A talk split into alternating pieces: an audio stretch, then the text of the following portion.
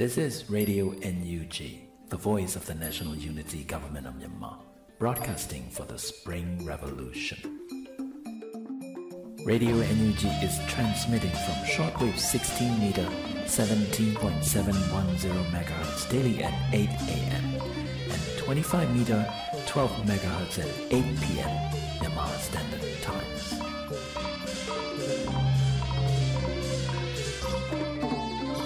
င်္ဂလာပါခင်ဗျာအမျိုးသားညီညွတ်ရေးအစိုးရရဲ့အသံလွှင့်ဌာန Radio NUG ကိုမနေ့၈နိုင်မှာ flight meter 16 meter 19.87 MHz ညဘက်မှာ flight meter 25 meter 12 MHz တို့မှာတိုက်ရိုက်ဖမ်းယူနားဆင်နိုင်ပါပြီမင်္ဂလာအပေါင်းနဲ့ပြည့်စုံကြပါစေခုချိန်ကစပြီး Radio NUG အစီအစဉ်လေးကိုဓာတ်ရိုက်အသံလွှင့်ပေးနေပါပြီအ မျိုးသားညီညွတ်ရေးအစိုးရကာကွယ်ရေးဝန်ကြီးဌာနကထုတ်ပြန်တဲ့နေ့စဉ်စည်ရေးသတင်းအကျဉ်းချုပ်ကိုတင်ဆက်ပေးကြပါမယ်။ယခုနေ့စဉ်စည်ရေးသတင်းအကျဉ်းချုပ်ဟာမြေပြင်သတင်းတာဝန်ခံများနဲ့သတင်းဌာနများမှဖော်ပြလာတဲ့အချက်လက်တွေပေါ်အခြေခံပြုစုထားတာဖြစ်ပါတယ်။ကျွန်တော်ຫນွေဦးလင်ပါပါ။စစ်ကောင်စီနဲ့တိုက်ပွဲဖြစ်ပွားမှုအခြေအနေများကိုတင်ဆက်ပေးကြပါမယ်။ကချင်ပြည်နယ်မှာစက်တင်ဘာလ16ရက်နေ့လယ်12နာရီဝန်းကျင်၌ ကချင်ပြည်နယ်တနိုင်းမြို့မှာတယုံကျွော်ဘက်သို့ထွက်ခွာလာတဲ့ကုန်တင်ကားရောင်ဆောင်ထားတဲ့စစ်ကောင်စီတပ်သား30ခန့်ပါတဲ့ရင်တစည်းကိုပနက်ကျွော်တနိုင်းချောင်းအနီးမှာ KIA မှမိုင်းခွဲတိုက်ခတ်ခဲ့ရာကားပြက်စီးသွားကြောင်းနဲ့ကားပေါ်ပါစစ်ကောင်စီတပ်သားများတေဆုံးမှုရှိကြောင်းသိရှိရပါတယ်။တေဆုံးထိခိုက်ဒဏ်ရာရသူအရေအတွက်ကိုမသိရှိရသေးကြောင်းသိရှိရပါတယ်။အထွေထွေသတင်းအနေနဲ့ ရှမ်းပြည်နယ်မြောက်ပိုင်းတအောင်းပလောင်ဒေသနမ်းဆန်မြို့မှာစီဒီအန်လှုပ်ရှားမှုတွေမှာပါဝင်ခဲ့တဲ့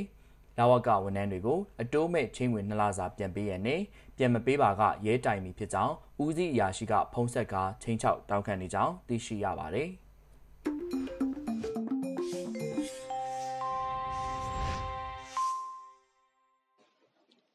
ယမန်နေ့ကတင်ဆက်ခဲ့တဲ့စီဒီအမ်ဗိုလ်ကြီးတဦးရဲ့ဇနီးမတ်စုတစ္ဆာစောရဲ့ရင်ဖွင့်တန်အစီအစဉ် မူလတင်ဆက်တာ People's Soldiers Channel ကဖြစ်ကြောင်း အမှားပြင်ဆင်လိုက်ပါတယ်။တောင်းပန်ပါတယ်ရှင်။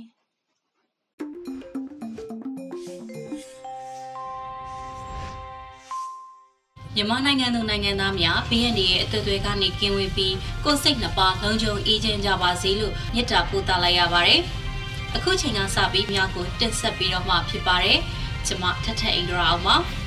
အခုပထမအဆုံးအနေနဲ့ຫນွေဦးတော်လှန်ရေးကိုဥဆောင်ပါဝင်ခဲ့သူ NUG ဒူဝင်ကြီးနဲ့ကချင်တိုင်းရင်းသူတို့ Time Magazine ရဲ့ကမ္ဘာလွှမ်းမိုးမှုအရှိဆုံးလူပုဂ္ဂိုလ်100စီးမှာပါဝင်လာတဲ့သတင်းကိုတင်ဆက်ပေးခြင်းပါတယ်။ဩဇာကြီးမားတဲ့ Time Magazine ရဲ့2021ခုနှစ်ကမ္ဘာလွှမ်းမိုးမှုအရှိဆုံးလူပုဂ္ဂိုလ်100စီးမှာနယူးဒေါ်လာရေးကိုဥဆောင်ပါဝင်ခဲ့သူအမျိုးသမီး2ဦးနဲ့မြန်မာနွယ်ဘွားအမျိုးသမီး2ဦးတို့ပါဝင်ခဲ့ပါတယ်။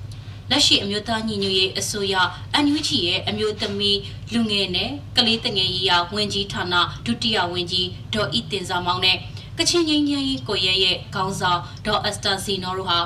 ဆရာနာရှင်စနစ်ဆန့်ကျင်တဲ့ဥဆောင်ဆန္ဒပြသူတွေဖြစ်ပြီးအခုလိုအတိုင်းမဂဇင်းကရွေးချယ်တဲ့ကမ္ဘာလွှမ်းမိုးမှုအရှိဆုံးလူပုဂ္ဂိုလ်တရားစီရင်မှာပါဝင်လာတာဖြစ်ပါတယ်။သူတို့နှုံးဟာဥဆောင်သူများကဏ္ဍမှာရွေးချယ်ခံရတာဖြစ်ပြီးတော့ ရန်ကုန်မြို့မှာဆီယနာရှင်စန့်ကျင်ရေးပထမအဦးဆုံးဆန္ဒပြမှုကိုဦးဆောင်ခဲ့ခြင်းကလူလူအပေါ်ခွန်အားဂုဏ်သိက္ခာနဲ့တရားမျှတတဲ့ယုံထားမှုတွေဖြစ်ပေါ်စေခဲ့တယ်လို့တိုင်းမဂဇင်းကဖော်ပြထားပါတယ်။ရွေးချယ်ခံရတာနဲ့ပတ်သက်ပြီး NUG ရဲ့ဒုတိယဝန်ကြီးရှမ်းနီတိုင်းရင်သူဒေါ်ဤတင်စာမောင်ကမြန်မာရေးကိုကဘာကအတိအမှတ်ပြုလေးစားတဲ့သဘောဖြစ်ပြီးမြန်မာကိုကဘာကအတိအမှတ်ပြုစေခဲ့တဲ့အတွက်လည်းဝမ်းသာတယ်လို့ဆိုပါတယ်။ ကချင်တိုင်းရင်သူလူငယ်ကောင်းဆောင်ဒေါ်အက်စတာစီနောကလည်းဒီနေ့မြန်မာနိုင်ငံပြည်သူလူထုကြုံတွေ့နေရတဲ့နိုင်ငံရေးအကြက်တဲတွေနဲ့ပတ်သက်လို့နိုင်ငံတကာစာမျက်နှာရှိမိမောင်ထိုးပြရရောက်တဲ့အတွက်မြန်မာနိုင်ငံရဲ့ရှေ့ဆက်နိုင်ငံရေးစစ်ရေးတည်ဆောက်မှုလုပ်ငန်းစဉ်တွေမှာတစုံတရာအထောက်အကူဖြစ်စေနိုင်မယ်လို့ညှော်လင့်မိပါကြောင်း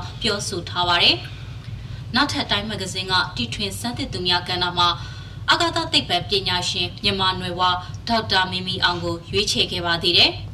ဒေါက်တာမီမီအောင်ဟာ NASA မှာ project manager အဖြစ်တာဝန်ထမ်းဆောင်နေပြီးတော့အင်္ဂါချိုးပေါ်မှာပထမအဆုံးချိန်ပြန်တန်းနေရင်ငယ်ကိုဥဆောင်တီထွင်သူလည်းဖြစ်ပါတယ်။အခုလိုတိုင်းမဂဇင်းရဲ့2021ခုနှစ်ကမ္ဘာလွှမ်းမိုးမှုအရှိဆုံးလူပုဂ္ဂိုလ်တရားစင်းမှာမြန်မာနိုင်ငံသူအမျိုးသမီး3ဦးပါဝင်ခဲ့ခြင်းကထူးခြားမှုတစ်ခုဖြစ်ခဲ့ပြီးတော့ຫນွေဦးတော်လိုင်းမှာရှီတန်းကနေပါဝင်ကြတဲ့အမျိုးသမီးတို့အတွက်လည်းအင်အားတရက်ဖြစ်စေခဲ့ပါတယ်။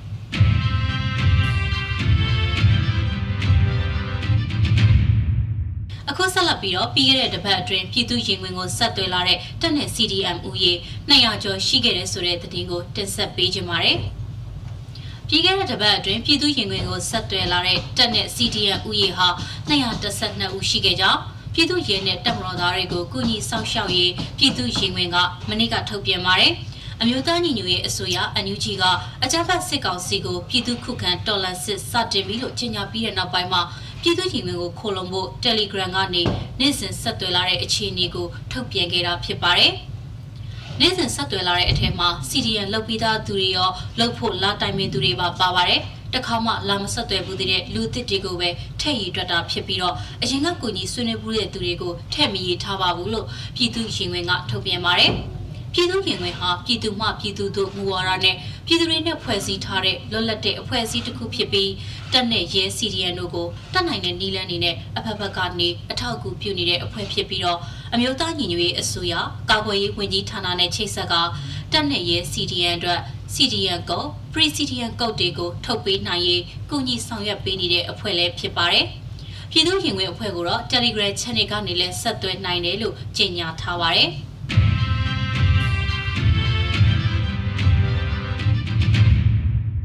ဆက်လက်ပြီးတော့အမျိုးသားညီညွတ်ရေးအစိုးရပြည်ထရေးနဲ့လူဝင်မှုကြီးကြပ်ရေးဝန်ကြီးဌာနကပြည်သူ့ရဲများပြည်သူ့ရင်ဝင်ခိုလိုလာမှုကိုကုညီဆောင်ရွက်ပေးနေတဲ့လူမှုကွန်ရက်စာမျက်နှာတစ်ခုအားမိတ်ဆက်လိုက်တဲ့သတင်းကိုတင်ဆက်ပေးကြပါမယ်။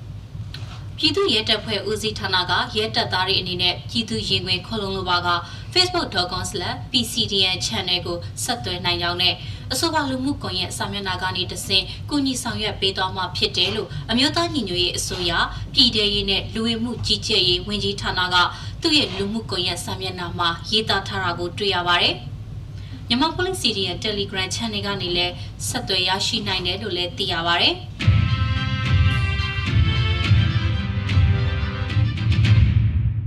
အခုနောက်ဆုံးအနေနဲ့မြန်မာနိုင်ငံတနန်တလျာကဆင်အာနာရှင်ဆက်ကျင်တဲ့ဆန္ဒပြပွဲတွေရဲ့အကြောင်းကိုစုစည်းတင်ဆက်ပေးမှာဖြစ်ပါတယ်။ပထမဆုံးအနေနဲ့ဒဝယ်မြို့အရှိတောင်ရက်ကအာယုံဦးတပိတ်အကြောင်းကိုတင်ဆက်ပေးမှာပါ။စက်တင်ဘာ16ရက်မနက်အစောပိုင်းအာယုံမတက်ခင်အမျိုးသမီးအမျိုးသားကလေးတငယ်တွေစုဝေးပြီးတော့ဆရာနာရှင်ကိုစန့်ကျင်တဲ့အာယုံဦးတပိတ်ကိုဆင်နွှဲခဲ့ကြတာပါ။ဒဝက်ခရိုင်လောင်းလုံးမြို့နယ်မှာတော့အမျိုးသမီးလူငယ်ចောင်းသားတွေပူးပေါင်းပါဝင်တဲ့ ဒီမိုကရေစီအရေးလှုပ်ရှားမှုတပိတ်ကော်မတီဒဝဲခရိုင်ကတပြည်လုံးတော်လှန်တပြည်လုံးအောင်ပွဲခံဆိုတဲ့စာတမ်းတွေကင်ဆောင်ပြီးတော့မိုးရဲရှိတဲ့ဆန္ဒပြခဲ့ကြပါတယ်အလားတူတဝဲမျိုးကမြို့ပြပျောက်ကြားတပိတ်စစ်ကြောင်းကလည်းစစ်ကြုံမခံတို့တော်လန်လူထုတိုက်ပွဲဒုဆင်နွဲဆိုတဲ့ကြွေးကြော်တဲ့နေတာမြန်ရွတ်ဆိုပြီးတော့ဆန္ဒပြခဲ့ကြပါတယ်။စကိုင်းတိုင်းစာလင်းကြီးမြို့လာဗရောင်းတောင်ဒေသပင်မတပိတ်စစ်ကြောင်းကတောင်သူအမျိုးသမီးတွေကတော့ အာနာတတိုင်းကိုဖြိုခွဲဖို့စစ်မိတ်စာတွေကိုတုတ်တင်စိုးဆိုတဲ့စာတိုင်းတွေကင်ဆောင်ပြီးလှည့်လည်ဆန္ဒပြခဲ့ကြပါတယ်။စကိုင်းတိုင်းဆောင်းလင်းကြီးလက်ဗရောင်းတောင်အုပ်စုတောချောင်းကြီးရွာမှာတော့တောင်သူအမျိုးသမီးအမျိုးသားတွေဥဆောင်ပါဝင်တဲ့တပိတ်စစ်ကြောင်းကဆန္ဒရှင်ကိုစန့်ကျင်ကြောင်းရွာလန်တလျှောက်လှည့်လည်ဆန္ဒပြခဲ့ကြပါတယ်။စကိုင်းတိုင်းရွှေဘုံမြို့နယ်ကကြီးရွာတရွာမှာတော့အမျိုးသမီးတွေဥဆောင်ပါဝင်တဲ့တပိတ်စစ်ကြောင်းဟာဆန္ဒရှင်လုံးဝအုပ်ချုပ်မှုမရှိစေရဆိုတဲ့စာတမ်းတွေကင်ဆောင်ပြီး အာနာရှင်ကိုစန့်ကျင်တဲ့တပိတ်ဆင်နွှဲခဲ့ကြပါတယ်။စကိုင်းတိုင်းရင်းမပင်မျိုးကစုံချောင်းကြီးရွာပြည်သူလူထုတွေဟာလည်းရရွာဘောလုံးကွင်းထဲစုဝေးပြီးတော့ဆီအာနာရှင်ပြုတ်ကြရေးအတွက်မနက်အစောပိုင်းမှာစုဝေးဆန္ဒပြခဲ့ကြပါတယ်။စကိုင်းတိုင်းကလေးမြို့မှာတော့အာနာရှင်ကိုစန့်ကျင်တဲ့ရပ်ပေါင်း221ရက်ပြည့်ကလေးမြို့တပိတ်ဆင်နွှဲခဲ့ပါတယ်။ကလေးမြို့တပိတ်စစ်ကြောင်းဟာလုံခြုံရေးတင်းကျပ်နေတဲ့ကြားကပဲဆီအာနာရှင်ပြုတ်ကြရေးအတွက်လမ်းပေါ်ထွက်ပြီးချီတက်ဆန္ဒပြခဲ့ကြတာပါ။ တောင်ငူမြို့အထက်ကတစ်တောင်ငူကျောင်းသားများတမကဘကတများအဖွဲ့ချုပ်ကဦးဆောင်ပြီးတော့အာနာရှင်စန့်ကျင်တဲ့လှုံ့ဆော်စာတွေကိုလူသွားလာများတဲ့နေရာတွေကဓာတ်တိုင်နဲ့အုတ်ရိုင်းလိုနေရာတွေမှာလိုက်လံပြီးတော့ကတ်ခဲ့ပါတယ်။အလားတူပဲရန်ကုန်မြို့တာဂေတမြို့နယ်မှာလည်းစစ်ကြုံဘဝလွတ်မြောက်ရေးပြည်သူအလုံးပါဝင်ပေးပြည်သူသားအမိပြည်သူသားအဖပြည်သူရှင်ခွင်ခိုလုံကြားဆိုတဲ့ဖိနိုင်းစာတမ်းတွေကိုကင်ဆောင်ပြီး တာဂေတတော်လန်လူငယ်တွေကဥဆောင်ကလူသွားလာများတဲ့နေရာတွေမှာလိုက်လံချိတ်ဆွဲခဲ့ပါတယ်။မန္တလေးမြို့မှာတော့ဘာသာပေါင်းစုံပါဝင်တဲ့တပိတ်စစ်ကြောင်းဟာအကြမ်းဖက်ဖက်စစ်စစ်ခွေးတက်ချီမုံကြီးအတွက်လမ်းမပေါ်ချီတက်ပြီးတပိတ်မှောက်ခဲ့ကြပါတယ်။ဆန္ဒပြပွဲကိုတော့လူငယ်အများစုကဥဆောင်ခဲ့တာပါ။ဒါကတော့စက်တင်ဘာလ16ရက်နေ့လယ်2နာရီအထိမြန်မာနိုင်ငံတနန်တလျာကဆန္ဒပြပွဲရဲ့အကြောင်းကိုစုစည်းတင်ဆက်ပေးခဲ့တာဖြစ်ပါတယ်။ မြန်မာနိုင်ငံသူနိုင်ငံသားများအားလုံးဆရာနာရှင်ဘေးကနေအမြန်ဆုံးကင်းဝေးကြပါစေလို့ဆုတောင်းပေးလိုက်ရပါတယ်။ကျေးဇူးတင်ပါတယ်ရှင်။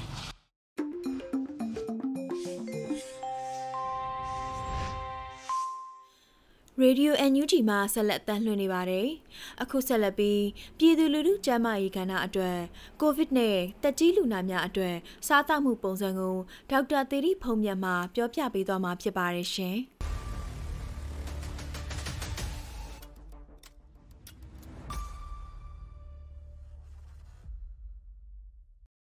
COVID-19 ဖြစ်ပွားနေတဲ့အသက်ကြီးလူနာတွေအတွက်ကိုတော့ကျွန်မဘယ်လိုမျိုးအစားအသောက်လေးစားစေချင်လဲပေါ့နော်တချို့အသက်ကြီးရဲ့လူတွေမှာဆိုရင်သွားမကောင်းတာရှိတယ်ပြီးတော့အစာပေါ့နော်ကောင်းကောင်းအဲ့လိုမဝါနိုင်ဘူးမျိုးချရတယ်နည်းနည်းအခက်အခဲဖြစ်တယ်ပေါ့နော်အဲ့လိုမျိုးဆိုရင်တော့သူတို့ကကြာရင်အရေးပဲတောက်နိုင်တယ်ဥပမာကြက်ပေါင်းရေတို့ကြက်ပြုတ်ရေတို့ပဲအိမ်အားပေါ့နော်တိုက်မယ်ဆိုရင်တော့ကြာလာရင်ခုနကပြောလို့လိုအပ်တဲ့အာဟာရဓာတ်တွေဖိုက်တာမင်နဲ့တတုဓာတ်တွေကရနိုင်မှာမဟုတ်ဘူးပေါ့နော်အဲ့တော့ကျမတို့ကဒီလူကြီးတွေပေါ့နော်စားလွယ်အောင်လို့ပေါ့နော်ဒီအာဟာရပြေးသွားတဲ့ဆန်ပြုတ်လေးပေါ့နော်ဆန်ပြုတ်လေးကိုပြုတ်ပေးဖို့တော့လိုပါတယ်ပေါ့နော်အဲ့လိုမျိုးဆန်ပြုတ်မှာဆိုရင်အရင်တုန်းကတော့ဆန်ရင်အသားရယ်ပေါ့နော်ဒါပဲပါတယ်ပေါ့နော်ဒီကြက်သွန်မျိုးတို့ဂျင်းတို့နည်းနည်းပါးပါးပါတယ်ပေါ့နော်ဒါပေမဲ့ကျမတို့ကလူကြီးတွေအတွက်ပေါ့နော်လူကြီးတွေအတွက်ကောဒါမှမဟုတ်လည်းတခြားပေါ့နော်လူလူလက်ပိုင်းပေါ့နော်လူလက်ပိုင်းနေလည်းအစာသိမ့်မစားနိုင်ဆိုတော့ကျမတို့ကဒီ ဟာရပေါ့နော်ပြေးသွားတဲ့ဆန်ပြုတ်လေးကိုပြုတ်ပေးလို့ရပါတယ်အဲ့တော့ဆန်ပြုတ်မှာဆိုရင်ဘာတွေပါမလဲဆိုတော့ဆန်ပါမယ်ပေါ့နော်ဆန်ပါမယ်ဒီအသားငါဒါမှမဟုတ်ပစွန်ပေါ့နော်တမျိုးမျိုးထည့်ပေးပါနောက်ပြီးတော့ကြက်ဥပေါ့နော်ကြက်ဥဆိုရင်လည်းအနှစ်ကောအကောင်စားနိုင်တော့အနှစ်ကောအကောင်ထည့်ပေးပေါ့နော်တချို့လူကြီးတွေကအနှစ်မကြိုက်တဲ့လူကြီးတွေဆိုတော့အကောင်နှလုံးပေါ့နော်အကောင်နှလုံးထည့်ပေးဒီစီလည်းထည့်လို့ရပါတယ်ဆန်ပြုတ်မှာဆိုရင်စီထည့်ပေးပါဒီစီကတော့အိမ်မှာအဆင်ပြေတဲ့စီပေါ့နော်မြေပဲစီဖြစ်ဖြစ်နေကြသည်ဖြစ်ဖြစ်ဟင်းမဲ့သည်ဖြစ်ဖြစ်ထည့်ပေးလို့ရတယ်နောက်ပြီးတော့ဒီပဲပေါ့နော်ပဲတစ်မျိုးမျိုးဆိုရင်တော့ဒီလက်ဖက်ရည်စုံတခါဟောပါနော်တစုံကစွန်းစာလာပေါ့နော်ပဲနီလေးဖြစ်ဖြစ်ပဲကြီးဖြစ်ဖြစ်ဒီအဲ့လိုမျိုးဟာပေါ့နော်အဲ့လိုမျိုးပဲတစ်မျိုးမျိုးထည့်ပေးမယ်နောက်ပြီးတော့ဒီအရွက်ပေါ့နော်အရွက်ဆိုရင်လည်းဒီမုံလာဥနီဖြစ်ဖြစ်မုံလာဥနီလက်နဲ့စစ်လောင်ဖြစ်ဖြစ်ဒီအစိမ်းရောင်အရွက်ပေါ့နော်ဒီဟိန်းနုနယ်ဖြစ်ဖြစ်အဲ့လိုမျိုးဟာလေးတွေကိုပါပြီးတော့ဗောနော်ရောပြီးတော့ကြိုပြီးတော့မှဗောနော်ဒီအသက်ကြီးရဲ့လူတွေအတွက်ဗောနော်တိုက်မယ်ဆိုရင်တော့ပို့ပြီးတော့အာဟာရပြေးသွားတယ်ဗောနော်တချို့တွေဗောနော်အသားကိုမဝါနိုင်ဘူးကောင်းကောင်းမဝါနိုင်တဲ့လူကြီးတွေအတွက်ဆိုတော့ကျမတို့က အစတည်းကမချက်ခင်နေရဗောနော်အသားကို ကြိတ်ထားပါတော့ကြိတ်ပြီးတော့မှကျမတို့အဲ့လိုမျိုးဟိုလိုမှွေကြောကြောကျွေးကျွေးတာမျိုးဖြစ်တာမဟုတ်အဲ့လိုပဲကြိတ်ပြီးတော့ပေါင်းတာပဲဖြစ်ဖြစ်သူတို့မျိုးချရလွယ်အောင်လို့ပေါ့နော်အဲ့လိုမျိုးလေးချက်ပေးတာတော့ပိုကောင်းတယ်ပေါ့နော်အသီးတွေပါရေးကျွေးမယ်ဆိုရင်လူကြီးတွေဆိုရင်တိတ်ပြီးတော့မဝါနိုင်ဘူးဆိုရင်ကျမတို့က puree ပေါ့နော်ကလေးတွေဒီဒီဖြစ်ဆွဲအာဟာရကျွေးတဲ့ကလေးတွေကိုကျွေးတယ်လို့မျိုးပေါ့နော် puree လိုမျိုးအဲ့လိုအသီးအသိလေးတွေကိုじゃ puree လိုမျိုးပြစ်ပြစ်လေးလုပ်ပြီးတော့ပေါ့နော်ဥပမာငပြောလေးဆိုရင်ခြေပြီးတော့ကျွေးတာမျိုးဖြစ်ဖြစ် top body ဆိုရင်အဲ့လိုခြေပြီးတော့ကျွေးတာမျိုးဖြစ်ဖြစ်လုပ်ပေးလို့ရတယ်ပေါ့နော်နောက်တော့ဟိုကကျတော့ ဒီအနိုးနဲ့အာဟာရမဟုတ်နေပါတော့နွားနိုးနဲ့တဲ့တဲ့လူကြီးတွေဆိုလည်းနွားနိုးတိုက်လို့ရပါတယ်နွားနိုးဖြစ်ဖြစ်ပဲနိုးဖြစ်ဖြစ်တိုက်လို့ရတယ်တချို့တွေဆိုရင်တော့အဲ့လိုမျိုးကိုကဒီစံပြုတ်တွေပါလည်းမပြုတ်နိုင်ဘူးပေါ့နော်တခြားဒီအသီးတွေပါလည်းမကျွေးနိုင်ဘူးဆိုတော့ကျမတို့ကဒီဖြစ်ဆွဲအာဟာရတွေပေါ့နော်ဒီထမင်းစားတို့ဖြစ်ဆွဲအာဟာရပေါ့နော်အဲ့လိုမျိုးလေးတွေဆိုရင်လည်းခုနကပြောလို့ဒီဘူးမှာပါတယ်ပေါ့နော်အညွန်အတိုင်းကိုတနေ့ကို3ခွက်ကနေ4ခွက်လောက်ပေါ့နော်သူဟိုဘာလိုအပ်တယ်လို့အသက်ကြီးရဲ့လူတွေအတွက်လိုအပ်တယ်လို့တိုက်ပေးလို့ရပါတယ်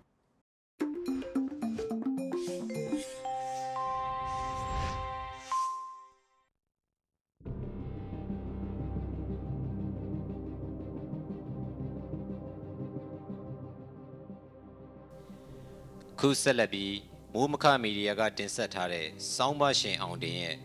စစ်သားမရှိတဲ့ဗိုလ်ချုပ်စစ်သားမပါတဲ့စစ်တပ်ဆိုတဲ့စောင်းပါကို တင်ဆက်ပေးချင်ပါတယ်ကျွန်တော်ဟိန်းကိုကိုပါစောင်းပါမှာဖော်ပြထားတာကတော့မြန်မာနိုင်ငံမှာနှစ်ပေါင်းများစွာအခြေချနေတဲ့စစ်အာဏာရှင်စနစ်ကြီးကိုတော်လှန်ဆန့်ကျင်ကြတဲ့အခါတိုင်းမှာပြည်သူဘက်ကရက်တီမဲ့စစ်ဗိုလ်ချုပ်တွေစစ်တပ်ထဲကနေပေါ်ပေါက်လာမလားဆိုပြီးကျွန်တော်တို့မျှော်လင့်တက်ခဲ့ကြပါတယ်။ များမြင်မှာလဲဒီစစ်တပ်ကြီးဟာအထက်အောင်မိန်ပေးစနစ်တသွေးတသံတမိတ်စနစ်နဲ့ဖွဲ့စည်းထားပြီးစစ်ဗိုလ်စစ်သားတွေကိုပြည်သူလူထုပေါ်အနိုင်ကျင့်ခွင့်တွေလက်နက်ကင်ရန်ကားခွင့်တွေနဲ့စီယုံထားတာခေမီလက်နက်တွေအပြည့်စုံတပ်ဆင်ထားတာမို့လူထုအုံကြမှုတွေလက်နက်ကင်ဒေါ်လာရေးတွေဘလောက်ပဲပြင်းထန်အားကောင်းပါစေဒီစစ်တပ်ကိုအနိုင်ရမှာမဟုတ်ပဲစစ်တပ်ထဲကနေပြည်သူတွေအတွက်ရက်တီမဲ့ဗိုလ်ချုပ်တွေပေါ်ပေါက်လာမှသာ စစ်တပ်ပြိုကွဲပြီးတော်လှန်ရေးအနိုင်ရလိမ့်မယ်လို့ယုံကြည်ခဲ့ကြပူပါတယ်နိုင်ငံတကာရေးခင်းတွေမှာလည်းပြည်သူလူထုရဲ့ငြိမ်းချမ်းသာဆန္ဒပြမှုတွေကိုထောက်ခံတဲ့ပြည်သူဘက်ကရက်တဲ့စစ်ကောင်းဆောင်တွေပေါ်ပေါက်လာခဲ့လို့တော်လှန်ရေးအောင်မြင်ခဲ့ကြတဲ့နမူနာတွေလည်းရှိခဲ့ပါတယ်။အဲ့ဒီလိုနဲ့ဆေးအာနာရှင်စနစ်စန့်ကျင်ရေးလှုပ်ရှားမှုတမိုင်းတစ်လျှောက်မှာပြည်သူဘက်ကဗိုလ်ချုပ်ကြီးတွေကိုကျွန်တော်တို့မျှော်လင့်ခဲ့ကြပေမဲ့ တဦးတယောက်မှပေါ်ပေါက်လာခဲ့ခြင်းမရှိပါဘူးပြည်သူဘက်ကရက်တည်တဲ့ဗိုလ်ချုပ်ဟောင်းတချို့တော့ပေါ်ပေါက်လာခဲ့ဘူးပါတယ်ဒါပေမဲ့ဗိုလ်ချုပ်ဟောင်းဆိုတဲ့အတိုင်းစစ်တပ်ကအနားယူပြီးစစ်တပ်နဲ့ကင်းကွာနေပြီးဖြစ်တာမို့သူတို့ရဲ့အခန်းကဏ္ဍဟာစစ်တပ်ပြိုကွဲရေးအတွက်အားကိုးစရာမရှိခဲ့ပါဒါကြောင့်မို့ဒီကနေ့မြမပြည်သူတရလုံးတခဲနဲ့ပါဝင်ဆင်နွှဲနေကြတဲ့ຫນွေဦးတော်လန်ရေးကြီးမှာတော့ကျွန်တော်တို့တွေပြည်သူဘက်ကဘူချုပ်ကြီးတွေကိုမမျှော်လင့်တော့ပါဘူး ကျွန်တော်တို့မျှော်လင့်ကြစီယုံလှုပ်ရှားကြရမှာကမင်းအောင်လိုင်ကောင်းဆောင်တဲ့ဖက်စစ်စစ်ဗိုလ်တွေကိုစစ်သားမရှိတဲ့စစ်ဗိုလ်ချုပ်များဖြစ်လာဖို့ပဲဖြစ်ပါတယ်မင်းအောင်လိုင်ရဲ့ဖက်စစ်စစ်တပ်ကြီးကိုစစ်သားမပါတဲ့စစ်တပ်အဖြစ်ပြောင်းလဲနိုင်ဖို့ဖြစ်ပါတယ်ဖက်စစ်ကောင်းဆောင်မင်းအောင်လိုင်ရဲ့လက်အောက်ခံစစ်တပ်ကြီးမှာအင်အား၄သိန်းလောက်ရှိတယ်လို့ခန့်မှန်းကြပါတယ်ဒါပေမဲ့ဒီကိန်းကနန်းတွေကအမှန်မဖြစ်နိုင်ပါဘူးတရင်ပေါင်းများစွာမှာတပ်မပေါင်းများစွာနဲ့ဖွဲ့စည်းထားပေမဲ့ တပ်ဖွဲ့တိုင်းမှာရှိတဲ့စစ်သားအင်အားကသတ်မှတ်ထားတဲ့ဖွဲ့စည်းပုံတက်အများကြီးလျော့နေပါတယ်ဗိုလ်ချုပ်နေဝင်ဦးဆောင်တဲ့ခေတ်တုန်းကမြန်မာစစ်တပ်ရဲ့တရင်တရင်မှာအင်အား900ကျော်တပ်မတစ်ခုမှာအင်အား9000ကျော်ရှိခဲ့ပေမဲ့မင်းအောင်လှိုင်ရဲ့တရင်တရင်မှာစစ်သားအင်အား200နဲ့300ကြားတက်မတစ်ခုမှာအင်အား3000ခန့်သာရှိပါတယ်ဒီအထဲမှာမှတိုက်ခိုက်နိုင်စွမ်းရှိသူကတဝက်လောက်ပဲရှိပါလိမ့်မယ် တရင်တက်မတွေမှာအရေးအတွက်များစွာတိုးချဲ့ဖွဲ့စည်းထားတာနဲ့မျှတက်တွေကိုအုပ်ချုပ်ရမယ့်အရာရှိစစ်တွေကတော့လိုရာထက်ပိုပြီးများပြားလာပါတယ်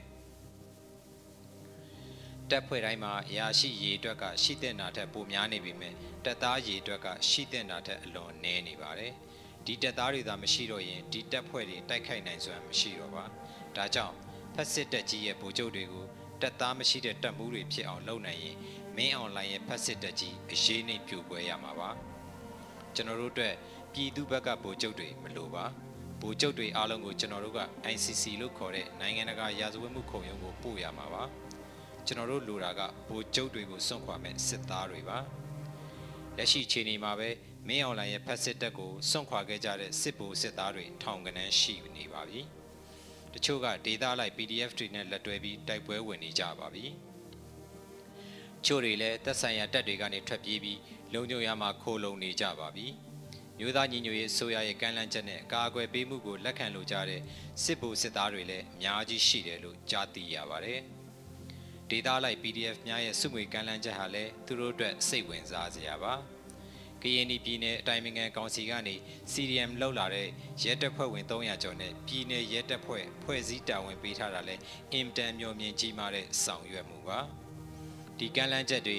ကာကွယ်ပေးရန်အစီအစဉ်တွေကိုမြန်မာစစ်သားတွေပို့ပြီးတည်အောင်လုပ်နိုင်မယ်ဆိုရင်မင်းအောင်လိုင်းရဲ့ဖက်စစ်တပ်ကြီးကိုစွန့်ခွာမဲ့စစ်သားတွေပို့ပြီးများပြားလာနိုင်ပါတယ်တကယ်တော့လဲမင်းအောင်လိုင်းပါဝင်ဖက်စစ်ဗိုလ်ချုပ်တွေရဲ့မကောင်းမှုတွေကိုသူတို့ရဲ့စစ်သားတွေကအတိအစုံပါ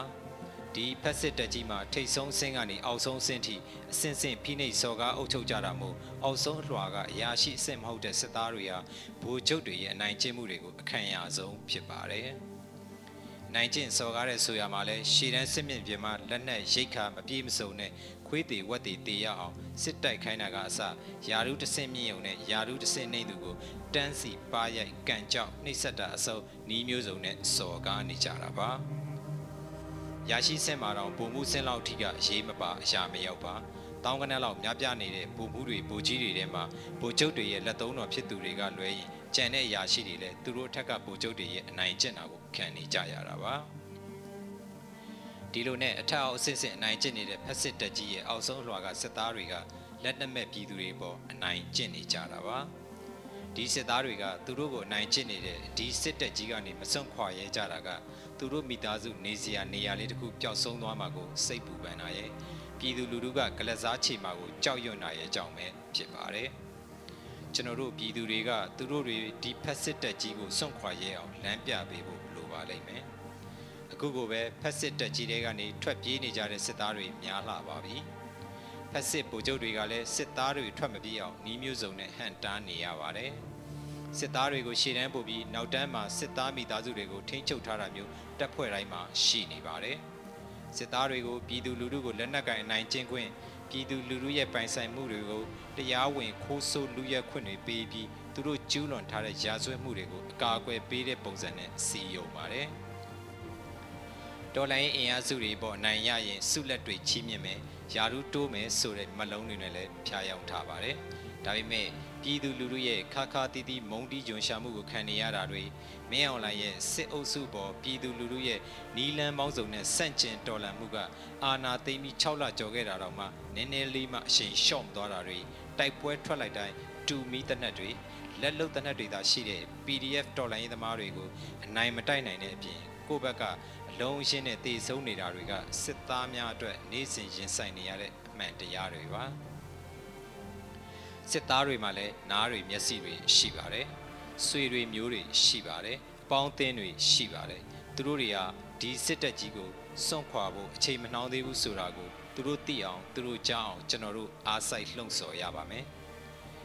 NUG ရဲ့ကန့်လန့်ချက် NUG Radio ကနေ တန်လွင့်နေတဲ့ဖိတ်ခေါ်မှုတွေစစ်တပ်ကြီးကိုအရင်ဆုံးစွန့်ခွာသွားခဲ့တဲ့သူတို့ရဲဘော်ဟောင်းများရဲ့တောင်းဆိုသံတွေကိုသူတို့ပို့ပြီးကြားအောင်သိအောင်မြင်အောင်နားလည်အောင်လှုံ့ဆော်နိုင်မယ်သူတို့ထွက်ခွာတဲ့နေရာတွေကိုလမ်းပြနိုင်မယ်ဆိုရင်ဖြင့်တိတ်မကြခင်မှာပဲမင်းအွန်လိုင်းရဲ့ဖက်စစ်တက်မတော်ကြီးဟာစစ်သားမပါတဲ့စစ်တပ်ကြီးဖြစ်ပြောင်းလဲပြိုကွဲသွားပါလိမ့်မယ်လို့ရေးသားတင်ဆက်ထားပါတယ်ခင်ဗျာ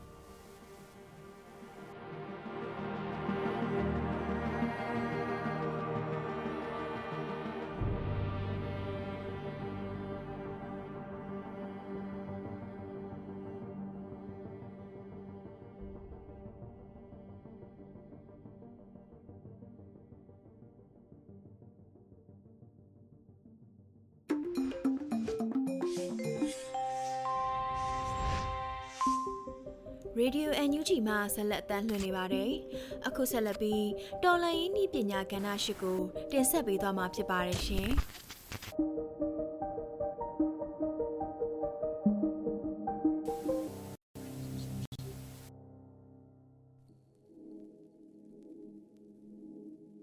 ပညာစီစဉ်ကနေအားလုံးကိုပြန်လည်ကြိုဆိုလိုက်ပါတယ်မြန်မာနိုင်ငံသူနိုင်ငံသားအပေါင်းမင်္ဂလာပေါင်းနဲ့ပြည့်စုံတဲ့နေ့ရက်တွေကိုအမြဲဆုံးပြန်လည်ပိုင်ဆိုင်နိုင်ကြပါစေကြောင်းတလိုင်းနည်းပညာစီစဉ်ကဝိုင်းတော်သားတွေကဆုတောင်းမြတ်တာပို့သလိုက်ပါတယ်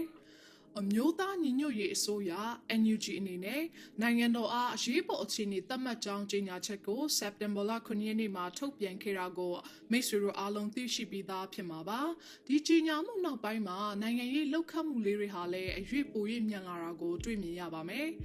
ဒီလိုအခြေအနေမှာလွတ်လပ်စွာသတင်းစီးဆင်းခွင့်ကိုနှိမ့်ညွတ်ခြင်းမရှိတဲ့စစ်ကောင်စီဟာအင်တာနက်ကိုအချိန်မရွေးပိတ်ပစ်တဲ့လှုပ်ဆောင်မှုတွေမလုပ်လာဘူးလို့ဘယ်သူမှကတက်အပ်မပြောနိုင်ပါဘူး။ဒါဟာအနည်းအမြန်ဖြစ်ပေါ်လာနိုင်တဲ့ကိစ္စပါ။ဖြစ်ပေါ်လာနိုင်တဲ့အခြေအနေပါ။ဒီတော့မိတ်ဆွေတို့ကအင်တာနက်ကြီးပြတ်တောက်သွားမယ့်အခြေအနေကိုဒီတိုင်းထိုင်ဆောင်နေလို့မဖြစ်ပါဘူး။လိုအပ်တဲ့ပြင်ဆင်မှုတွေကိုလုပ်ထားဖို့အတွက်လိုအပ်ပါတယ်။အထူးသဖြင့်မိတ်ဆွေတွေကြားစိတ်ချရတဲ့သတင်းအချက်အလက်ကိုလုံလုံခြုံခြုံစီးဆင်းနိုင်ဖို့အတွက်နီလန်တွေကိုကြိုပြီးစဉ်းစားထားဖို့အတွက်လိုအပ်ပါတယ်။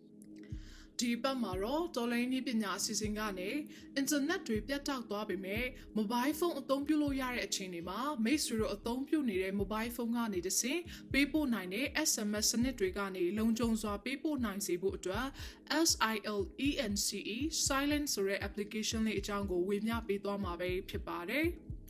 Silent ဟာ mobile phone ကနေပေးပို့တဲ့ SMS တွေကိုလုံခြုံတဲ့ end-to-end encryption စနစ်နဲ့ပေးပို့နိုင်အောင်လုပ်ဆောင်ပေးတဲ့ application ပဲဖြစ်ပါတယ်။သူ့ရဲ့ကောင်းတဲ့အချက်က operator တွေပေးတဲ့ဝန်ဆောင်မှုကိုအသုံးပြုရတာဖြစ်တဲ့အတွက်စစ်ကောင်စီက internet ဖြတ်ဖို့ညွှန်ကြားသည့်တိုင် mobile phone အသုံးပြုလို့ရတဲ့အခြေအနေမှာ message တွေကိုလုံခြုံစွာပေးပို့နိုင်မှာပဲဖြစ်ပါတယ်။ တခုရှိတာက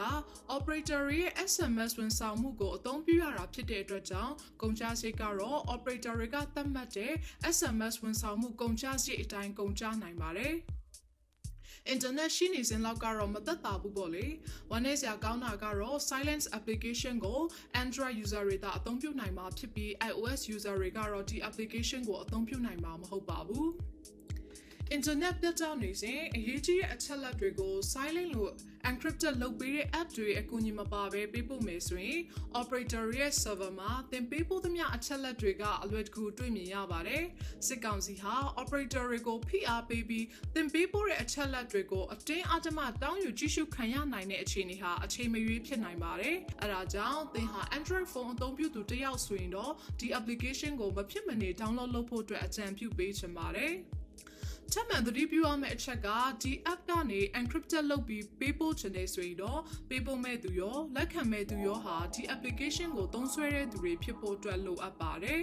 ။သင်ဖုန်းဟာ Google Play Store ဝန်ဆောင်မှုကိုအသုံးပြုနိုင်တယ်ဆိုရင်တော့ Google Play Store မှာတွားရောက်ပြီး install လုပ်ပါ။ဒီဝန်ဆောင်မှုမရရင်လည်းမပူပါနဲ့ကျွန်တော်တို့ပေးထားတဲ့ App Drive link မှာလည်းတွားပြီး download လုပ်ယူလို့ရပါတယ်။ကဲဒါဆိုရင် app ကိုဘယ်လိုသုံးရမလဲပြောပြပေးမယ်နော်။ပ ထမဆုံးအနေနဲ့ silent application ကို install လုပ်ပါပြီးသွားရင်တော့ application ကိုဖွင့်ပြီးပထမဆုံးပေါ်လာတဲ့ page မှာ continue ကိုနှိပ်ပါ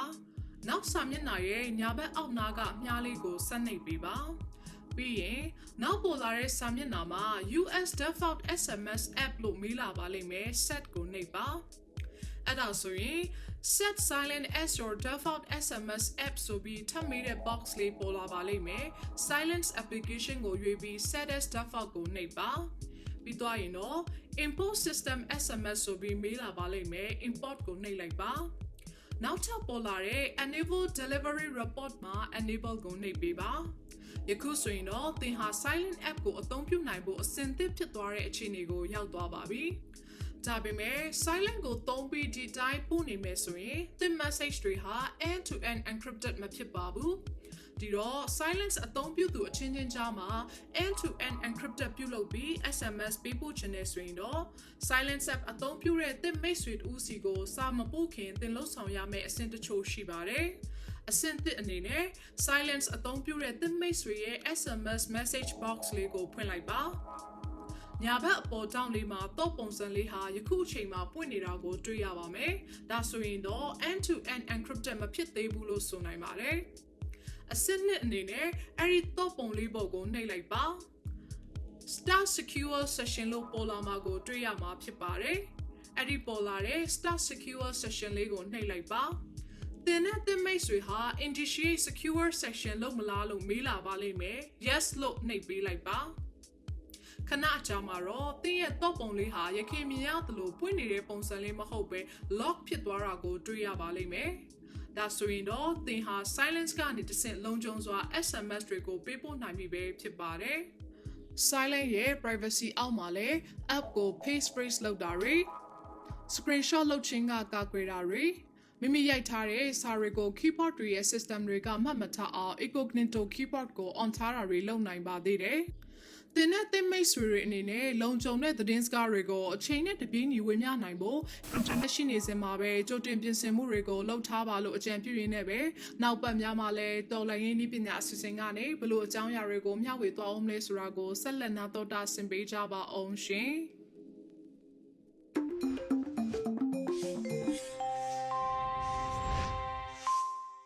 ဒီကနေ့တော့ဒီညနေပဲ Radio NUG အစီအစဉ်လေးကိုကိတ္တ ရန်နာလိုက်ပါမယ်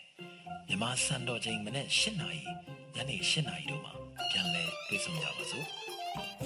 Radio NUG ကိုမနေ့၈နာရီမှာ flight meter 16 meter 19.87 MHz ညဘက်မှာ flight meter 25 meter 12 MHz တို့မှာတိုက်ရိုက်ဖမ်းယူနားဆင်နိုင်ပါပြီမြန်မာနိုင်ငံသူနိုင်ငံသားများကိုစိတ်နှပြချမ်းမာချမ်းသာလို့ဘေးကင်းလုံခြုံကြပါစေလို့ Radio NUG အဖွဲ့သူအဖွဲ့သားများဆုတောင်းပေးလိုက်ပါတယ်။အမျိုးသားညီညွတ်ရေးအစိုးရရဲ့ဆက်သွယ်ရေးသတင်းအချက်အလက်နဲ့ဤပညာဝန်ကြီးဌာနကထုတ်လွှင့်နေတဲ့ Radio NUG ဖြစ်ပါတယ်။ San Francisco Bay Area ခြေဆိုင်မြန်မာမိသားစုများနဲ့